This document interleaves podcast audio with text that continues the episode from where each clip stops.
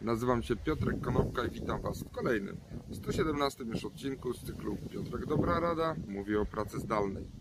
Dzisiaj powiem kilka słów na temat tego, jak pracują zdalnie w takiej firmie, która nazywa się GitLab.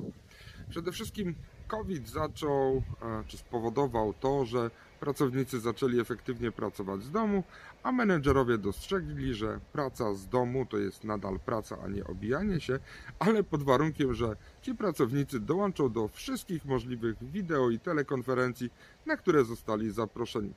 Tak wygląda rzeczywistość dzisiaj i czy są jakieś sposoby, czy są jakieś metody, które mogą spowodować, że jednak pracownicy znajdą czas na to, żeby rzeczywiście pracować, a nie tylko siedzieć na spotkaniach, które czasami są kompletnie dla nich nieprzydatne.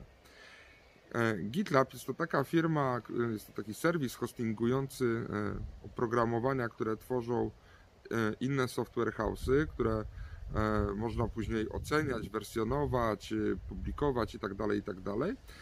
I GitLab pochwalił się ostatnio w artykule dla Harvard Business Review, jak oni pracują, żeby jednak pracownicy mogli się skupić na swoich zadaniach, a nie na byciu na spotkaniach.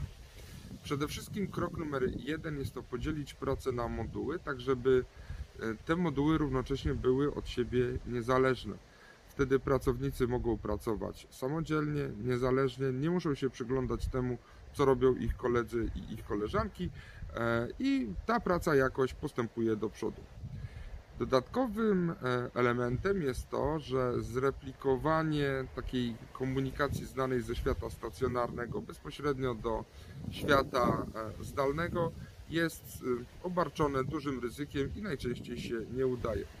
Zastosowali dlatego u siebie, co, u siebie coś, co nazwali mianem milczącej komunikacji. Po prostu ujednolicone i wdrożone normy, procesy, procedury pozwalają na koordynowanie wszelkich prac we wszystkich działach tej firmy e, bez konieczności bezpośredniej komunikacji między pracownikami.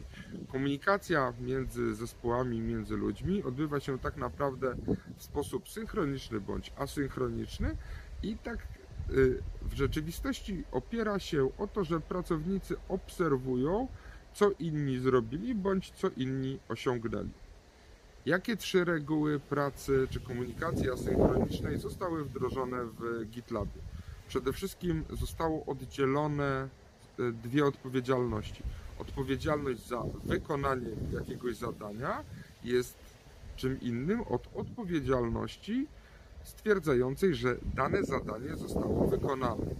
To pozwala na stwierdzenie e, przez inną osobę, że dana rzecz jest dobra bądź zła.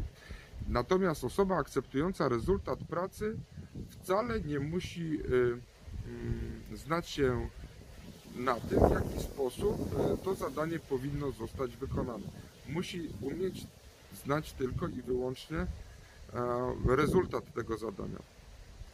Drugim elementem w tej pracy czy komunikacji asynchronicznej jest respektowanie reguły minimalnej istotnej zmiany.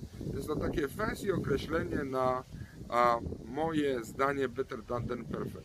Czyli po prostu w trakcie pracy należy pokazać jak najszybciej nawet coś niedoskonałego, rzecz, która jest na wczesnym etapie, jakąś wersję alfa, tak żeby inni umieli zobaczyć, ocenić i powiedzieć, czy ta praca, którą oni wykonują, być może nie duplikuje się w tym, co ty robisz, czyli better than, than perfect.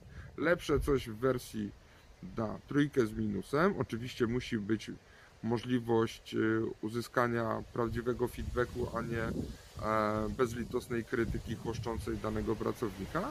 Czyli lepiej mieć coś na trójkę z minusem niż gotowe na piątkę. Lepiej to mieć dzisiaj niż na za 3 lata.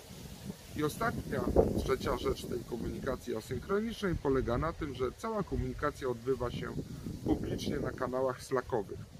Nie ma wysyłania maili jeden do jeden, ponieważ te maile są dostępne tylko dla dwóch osób. Jeżeli całą komunikację przeniesiemy do e, Slacka, to wtedy się okaże, że ta komunikacja jest dostępna dla wszystkich. A po godzinach pracownicy codziennie mają prawo do uczestniczenia w jednym z trzech e, takich koli społecznych, czy to będzie e, będą kole na temat tego, gdzie pójść w weekend na imprezę, albo co można ciekawego zobaczyć w trakcie wyjazdów urlopowych, e, to mają prawo do uczestniczenia w takim jednym kolu. No i oczywiście mają ci pracownicy w GitLabie całą masę kanałów tematycznych. Także w ten sposób pracuje jedna z większych firm e, programistycznych na świecie. Zastanówcie się, czy jakieś narzędzia i metody komunikacji zaczerpnięte od nich możecie wykorzystać u siebie w firmach. Dzięki serdeczne, do zobaczenia i usłyszenia jutro. Na razie.